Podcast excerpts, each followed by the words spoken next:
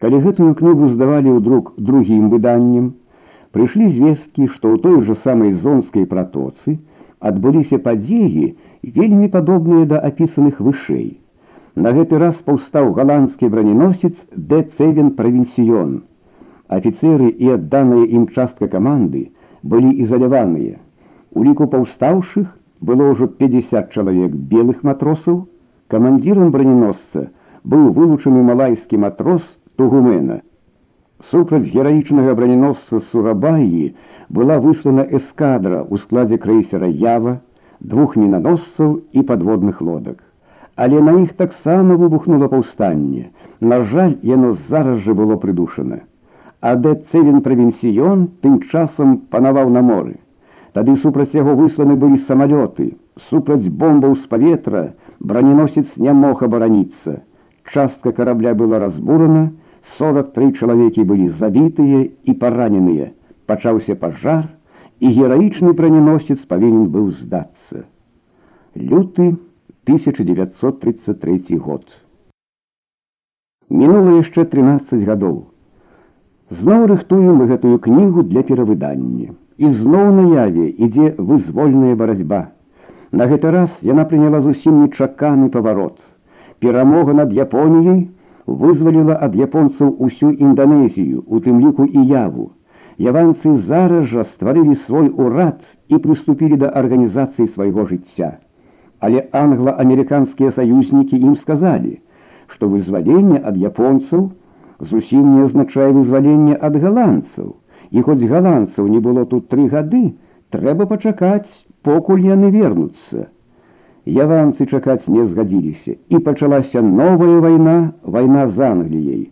Англічане выставілі супрацьявы галоўным чынам індыйскія войскі а ўзбраенне было амерыканскае. Яванскі ўрад звярнуўся да прэзідэнта трумана з пратэстам супраць ужывання амерыканскай зброі у прыгнятальнай вайне. Тады труман загадаў зняць з амерыканскага ўзбраення усе амерыканскія надпісы і знакі Такім чынам зброя зрабілася ўжо не амерыканскай. У некаторых выпадках супраць яванцаў скарыстовваюцца капітуляваўшыя японскія войскі. Пачынаюць ужо прыбываць і галандскія часці, бадай што бяззброеным яванцам прыходзіцца ваяваць з цяжкімі гарматамі, мінамётамі, танкамі, самалётамі.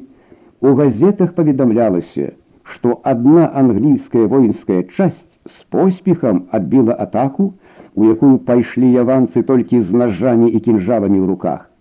Можа, сярод іх быў салул, пуан, ці яшчэ хто з нашых знаёмых, Можа, у бадавіскай гары захаваліся яшчэ рэшткі зброі. Гэтага мы не ведаем. Ведаем толькі, што барацьба працягваецца. 1946 год. Яшчэ чатыры гады мінула.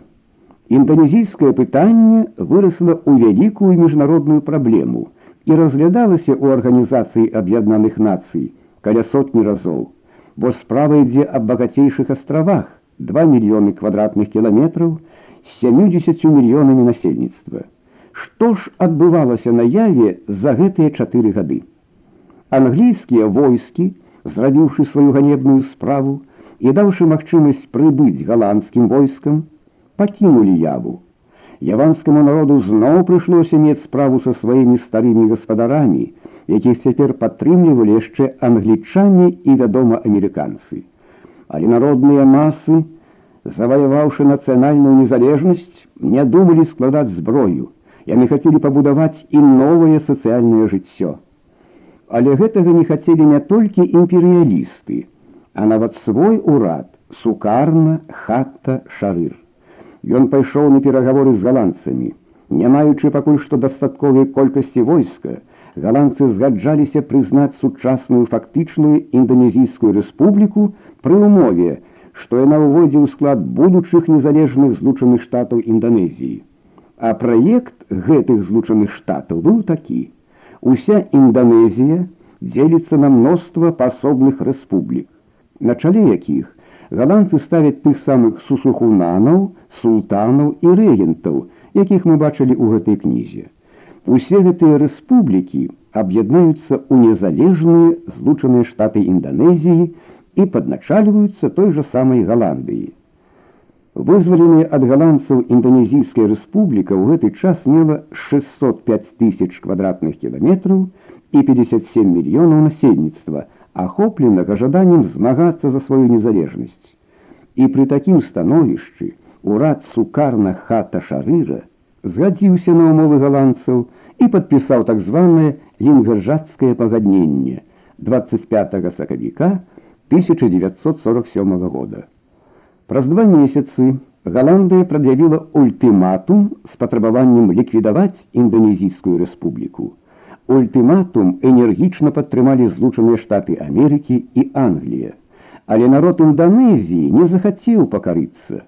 Пачаліся масавыя пратэсты, інданезійскі парламент адхіліў ультыматум, змясціў кабінет шарыра і замест яго прэм'ер-міністрам паставіў аднаго з лідараў руху супраціўлення, камуніста Аміра Шарыфудзіна, але прэзідэнт Сукарна і віцэ-прэзідэнт Хатта засталіся на сваіх месцах. Галандыя тым часам давяла лік свайго войска да 120 тысяч. Узбраенне было амерыканскае і англійскае. 20 ліпеня 1947 года галандская армія пачала наступленне і праз паўтара месяца захапіла дзве трэціх часткі явы, востраў Мадуру, значную частку суматры. Адначасова галандцы пачалі ствараць дробныя незалежныя рэспублікі для будучых злучаных штатаў Інданезіі. Уся гэтая агрэсія адбывалася на вачах арганізацыі аб'яднаных нацый, членам якой з'яўляецца Галандыя. Пратэсты шарыфудзіна, падтрыманыя савецкім саюзам і краінамі народнай дэмакратыі, разглядаліся ў савеце бяспекі дзесяткі разоў але вынікаў не далі, бо за галандыю стаялі злучаныя штаты Амерыкі, Англія і паслушная ім большасць. Замест таго, каб стрымаць агрэсара, злучаныя штаты Амерыкі навязалі так званую камісію добрых паслуг на чале з амерыканскім прадстаўніком. Гэтая камісія усялякімі спосабамі пачала аказваць добрыя паслугі Галандыі. Адной з такіх паслуг было так званае рэнвільскае пагадненне, подписанное 17 студеня 1948 года на амерыканскім военным караблі Рэнвіл. Паводле гэтага пагаднення галандцы засталіся на вераломна захопленых імі тэрыторыях, да яшчэ да іх адышлі і такія раёны, дзе галандскіх войск дагэтуль не было. Праз два тыдні вымушаны быў выйсці ў адстаўку шарыфудзін, а замест яго зрабіўся прэм'ер-міністрам Хатта. Новая хваля супраціўлення ахапіла іванскі народ, узмацніўся народна-дэмакратычны фронт, у які ўваходзілі камуністычныя, сацыялістычныя і рабочыя партыі, саюз сацыялістычнай моладзі, цэнтральныя арганізацыі прафсаюзаў і многія іншыя дэмакратычныя арганізацыі. А ў маі 1948 года па ініцыятыве народна-дэмакратычнага фронта быў створаны больш шырокі нацыянальны фронт. Але ўрад сукарна хата, які на словах нібы прыняў праграму нацыянальнага фронта, фактычна глядзеў ужо ў другі бок, галоўным чынам у бок Амерыкі. 2 ліпеня 1948 года сукарна і хата мелі сакрэтную нараду ў вёсцы Саранган з амерыканскім прадстаўніком камісіі добрых паслуг Огборнам. На гэтай нарадзе абодва бакі зрабілі адзін аднаму нядрэнныя паслугі кіраўнікі інданезійскай рэспублікі абяцаліся ўзняць тэрор супраць прагрэсіўных дзеячаў свайго народа, а прадстаўнік Амерыкі абяцаў ім за гэта 65 мільёнаў долараў. Праз некаторы час, скарыстаўшы момант, хата пасадзіў у турму і забіў тысячы яванскіх патрыётаў. У тым ліку былі расстрэляны кіраўнікі камуністычнай партыі Мусо, Сурыпно, Харыёна, Дорусман, а таксама былы прэм'ер-міністр Амір Шарыфудзін. Пасля таго пачаліся новыя перагаворы з Галандыяй, але амерыкана-галандскія патрабаванні былі такія суровыя, што нават хата сукарна не адважыліся прыняць іх, улічваючы настроі народа. А якія гэта былі настроі, сведчыць сам старшыня галандскай дэлегацыі стыкер. Вярнуўшыся ў Галандыі, ён заявіў: « У нас стварылася ўражанне, што ўсе сілы ў рэспубліцы працуюць супраць хатта. Перад амерыканцамі і галандцамі па-ранейшаму заставалася пытанне, як зламаць супраціўленне яванскага народа. І тут адбыліся падзеі накшталт тых таемных прыгодаў, якія апісваліся ў гэтай кнізе. Амерыканскі прадстаўнік прад'явіў ураду рэспублікі галандскі ультыматум, але не чакаючы адказу на яго, галандскія войскі ў ноч на 19 снежня 1948 года зноў напалі на рэспубліку. У Батавіі, якая была ў руках галандцаў, яны арыштавалі прадстаўнікоў рэспублікі, а раніцою высадзілі авіядесант каля сталіцы рэспублікі Джокарты. Хата і сукарна нібы гэтага толькі і чакалі. Сталіца рэспублікі не магла быць без ніякага войска, якое пэўна магло паказаць супраціўленне дэсанту. Але хата сукарна і не падумалі супраціўляцца. Яны зараз жа захвоты капітуліравалі. Галандцы з пашанай іх арыштавалі і адвезлі на востраў банку. Такім чынам у вачах народа яны зрабіліся пакутнікамі за рэспубліку. А як адчувалі сябе гэтыя пакутнікі, відаць з таго, што яны пасылалі адтуль галандскай уладзе пісьмы са шчырай падзякай за добрыя умовы і прыяцельскія адносіны. Галандскае войска рынулася на астатнюю тэрыторыю явы, атрымаўшы загад бязлітасна знішчаць усіх, хто паспрабуе супраціўляцца.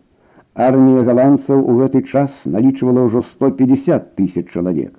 Узбраенне яе было самае дасканалае американские бомбардировщики Б-25, знішчальники Митчелл, американские танки Шерман, английские кулеметы Брен и гэтак далей. Выдаткавалі голландцы на свою армию по миллиону долларов у день, что складало приблизно тую сумму, якую яны атрымлівалі на эканамічную дапамогу по плану маршала. Грамадскасць усяго свету была абурана. У савеце бяспекі Савецкі саюз выкрываў махінацыі імперыялістаў, патрабаваў спыніць вайну і адвесці войскі на тую лінію, якую яны займалі да 19 снежня. Але гэтую прапанову англа-амерыканская большасць адхіліла. Замест таго, амерыканцы і англічане выказалі спачуванне інданезійскай рэспубліцы, па-бацькоўску папракалі галандцаў, што яны робяць нядобра, раілі адпусціць арыштаваны ўрад, даручалі камісіі добрых паслуг як-небудзь уладзіць справу, а ў савеце бяспекі правялі здзекавую рэзалюцыю, якая заклікала абодва бакі спыніць вайну і больш нічога. Пакуль у арганізацыі аб'яднаных нацый адбывалася гэтая ганебная канедыя, яванскі народ мужна супраціўляўся, не маючы мажлівасці адкрыта змагацца супраць дасканала ўзброенай арміі, 300 тысяч яванскіх бойцоў разышліся па лясах і гарах і стварылі партызанскія атрады. Народ вызваліў штурмаў 35 тысяч патрыётаў, якіх засадзіў урад хатта, паўсталі такія раёны, якія да гэтага часу лічыліся спакойнымі. І перад імперыялістамі, які раней, усё стаяла тое самае пытанне: як зламаць супраціўленне яванскага народа. Для гэтага ў першую чаргу, трэба было хутчэй стварыць злучаныя штаты Інданезіі з мясцовымі марыянетачнымі ўрадамі. Сярод кандыдатаў у марыянеткі першае месца займалі сукарна і хата. Па-першае, яны ўжо даказалі сваю адданасць імперыялістам сваімі расправамі над яванскімі патрыётамі і маглі спатрэбіцца ў будучым. Па-другое, юрыдычна яны ўсё ж такі заставаліся ўрадам прызнанай у 1945 годзе інданезійскай рэспублікі ліквідацыю якой вядома зручней было зрабіць з удзелам законнага ўрада яе. Па-трэцяе яны як пацярпеўшыя за абарону інтарэсаў рэспублікі маглі мець большы аўтарытэт у вачах тых хто не ведаў закуліснага боку справы. І нарэшце зварот іх да ўлады павінен быў зрабіць уражанне аб'ектыўнасці і справядлівасці з боку Галандыі. Выходзячы з гэтых меркаванняў, галандцы распачалі перагаворы са сваімі вязнямі.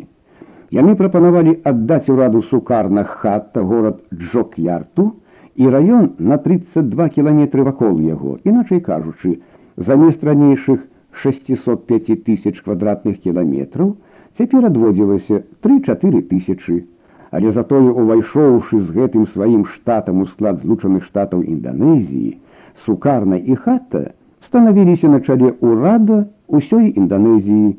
Зусім ясна, што такое рашэнне было выгадным як для галандцаў, так і для клікі сукарна хата.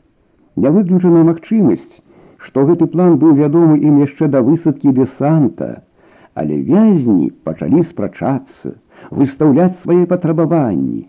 Умяшалася Амерыка, пачала іх мірыць. У газетах з'явіліся звесткі, што сукарна хата і пад арыштам адстойваюць інтарэсы інданезійскай рэспублікі, і толькі пасля такой рэкламы яны згадзіліся. Пасля таго справа пайшла шпарчэй. 6 ліпеня сукарна і хата урачысты вярнуліся ў сваю сталіцу, а 20 галандцы ўжо сабралі свае марыянеткі 16 штук, якія ад імя ўсёй інданезіі прынялі ўсе галандскія прапановы. У жніўні у Гаазе адбылася канферэнцыя круглага стола, на якой была прынята канстытуцыя злучаных штатаў Інданезіі, у якой абвяшчаецца, што Рэспубліка Інданезія Сэрыкат афіцыйная назва з'яўляецца незалежнай і суверэннай. І нарэшце 30 снежня 1949 года галандская каралева Іліяна урачыста аформіла перадачу суверэнітэта Інданезіі. Паміж іншым цікава адзначыць, што прадстаўніком рэспубліканскай Інданезіі, якому ў рукі быў перададзены акт, аказаўся султан Джорджа карты, Гамід П. Мы не ведаем, хто быў султанам у той час, калі праз Джорджакарту прыязджаў наш знаёмы гейс, але можам сабе уявіць, як ён здзівіўся б, каб хто яму сказаў, што наследнік гэтага султана будзе рэспубліканец. Лагер імперыялістаў пачаў трубіць на ўвесь свет, што дзякуючы ім, інданезійскае пытанне шчасліва і справядліва вырашана, нягледзячы на супраціўленне савецкага саюза, што цяпер Інданезія незалежная суверэнная рэспубліка, што такім шляхам павінны вырашацца ўсе іншыя пытанні. Чаму ж так задаволены імперыялісты? Адказ на гэтае пытанне дае другі дакумент, выпрацаваны і прыняты адначасова з канстытуцыяй статут галандска-інданезійскага саюза. Паводле гэтага статута, на чале незалежнай рэспублікі Інданезіі будзе стаяць галандская каралева. Міжнародныя зносіны Інданезіі будуць залежаць ад згоды Галандыі.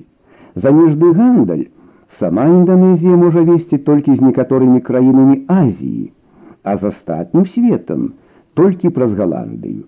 Галандскія войскі застаюцца ў Інданезіі часова ў якасці гасцей, але можна загадзя сказаць, што гэтыя госці будуць тут пакуль іх не прагоняць. Што тычыцца інданезійскіх войск, то арганізацыю іх падрыхтоўку афіцэраў бярэ на сябе Галандыя. Такім спосабам галандцы думаюць накіраваць супраць народа, апрача галандскіх яшчэ і інданезійскія войскі. Увесь галандскі адміністрацыйны апарат 20 тысяч чалавек застаецца на сваіх месцах і па-ранейшаму будзе весці справы Інданезіі. Нарэшце Інданезія павінна выплаціць Галандыі 4,5 мільярда гульданаў доўгу за выдаткі, якія панесла Галандыя ў барацьбе супраць інданезійскага народу. Не дзіва, што ўсе імперыялісты задаволены такім вырашэннем інданезійскага пытання. У заключэнне трэба сказаць некалькі слоў аб галоўным маклеры ў гэтай аперацыі злучаных штатах Амерыкі. На працягу ўсяго часу, які закрануты ў гэтай кнізе, аб амерыканцах не было чуваць. Увесь час яванцы мелі справу толькі з галандцамі. Потым ім прыйшлося змагацца з японцамі, затым з англічанамі, пасля зноў з галандцамі. Як і чаму з'явілася Амерыка? Амерыка выступіла на сцэну ў апошнія чатыры гады. Паводле славутай дактрыны Трумана, злучаныя штаты Амерыкі афіцыйна ўзялі на сябе ролю сусветнага жандара. Яны падтрымліваюць здраднікаў, шпіёнаў, дыверсантаў у краінах дэмакратыі. падтрымліваюць рэакцыйныя сілы ў Турцыі і Японіі, у Іране і Італіі, Іспаніі і Чылі, Францыі і Нарвегіі, адным словам усюды, дзе б не ўзняўся рэвалюцыйна вызвольны рух у Кітаі, Грэцыі, Карэі, амерыканскія капіталісты лічаць сваім святым абавязкам прыняць удзел у прыдушэнні гэтага руху. Вось чаму яны ўмяшаліся і ў справы Інданезіі. Зразумела нядзеля прыгожых вачэй каралевы Юліяны ці Чанкайшы дапамагае ім, як і ўсім іншым Амерыка. За ўсёй гэтай святой справай заўсёды крыецца самы звычайны бізнес, выгадная спекуляцыя. Гэта мы бачым і ў Інданезіі. Амерыканскія нафтавыя кампаніі захапілі багацейшыя промыслы на астравах Барнео, Суматра, Банка, Новая Гвінея. На Яве і Суматры пабудавана ўжо 10 амерыканскіх нафтаперагонных заводаў. Амерыканскі стальны трэст атрымаў манаполію на здабычу нікеля на цэлебесе. Пад кантроль амерыканцаў перайшлі галандскія прадпрыемствы па здабычы волава на астравах банка і беретон. Амерыканскім манаполіям, належыць ужо больш мільёна акраў каўчукавых плантацый у Інданезіі. Шпаркім тэмпам ідзе працэс скупкі ў галандскіх фірм, горных прадпрыемстваў і плантацый, цукровых, хінавых, кававых, какосавых. Ёсць звесткі, што ўрад хатта прыцягвае 30 буйных амерыканскіх карпорацый для рэарганізацыі гаспадаркі Інданезіі. За кароткі час амерыканскія капіталы дасягнулі паловы ўсіх капіталаўкладанняў у Інданезіі, а гэта яшчэ толькі пачатак. Апрача ўсяго гэтага амерыканцы валодалі портам Сурабаія і стварылі там вялікую базу.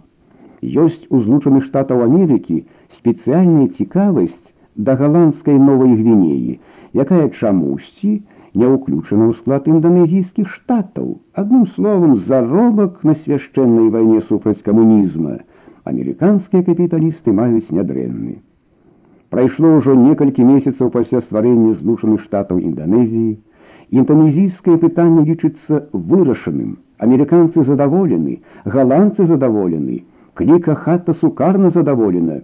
Толькі народ Інданезіі не задаволены. У газеты час ад часу трапляюць выпадковыя звесткі. Наяве ідуць баі паміж атрадамі партызанаў і войскамі галандцаў і ўрада хата. У гарадах Брэбес, Чарыбон, Гарут і таксімалая галандцы вымушаны пускаць у ход цяжкую зброю. У горадзе Маланг становішча напружанае. Каланіяльныя войскі ізаляваны ў 20 гарадах Інданезіі. На амерыканскім нафтаперагонным заводзе каля Палімбанга, Суматра, пачалася забастоўка. У Джакарце атрад паліцэйскіх са ўсёй сваёй зброяй перайшоў на бок партызан. Наяве супраць урада хата выступілі часці мусульманскай арганізацыі дар-уль-іслам. Ёсць сярод гэтых паведамленняў адно, якое робіць на нас асаблівае ўражанне. Вось яно. 26 лютага у Сінгапуры англійская паліцыя арыштавала капітана Вестерлінга, галандскага афіцера, які на чале яванскіх партызанаў у студзені ўзяў горад бандунг. Мы не ведаем гэтага высакароднага галандскага капітана, але ён нам блізкі таксама, як і знаёмы нам ейс. Яны мусяць і ведаюць адзін аднаго. Ад першага пачыну прайшоў значны час, і ўмовы цяпер наяве зусім іншыя. Не туаны цяпер галандскія каланізатары, а дробныя драпежнікі, якія пакуль што трымаюцца толькі дзякуючы дапамозе буйных драпежнікаў. Не тубыльцы цяпер яванцы, а арганізаваны свабодолюбівы народ, і не адзін цяпер чужынец, як калісьці ейс, дапамагае ім у барацьбе, а многа ўжо.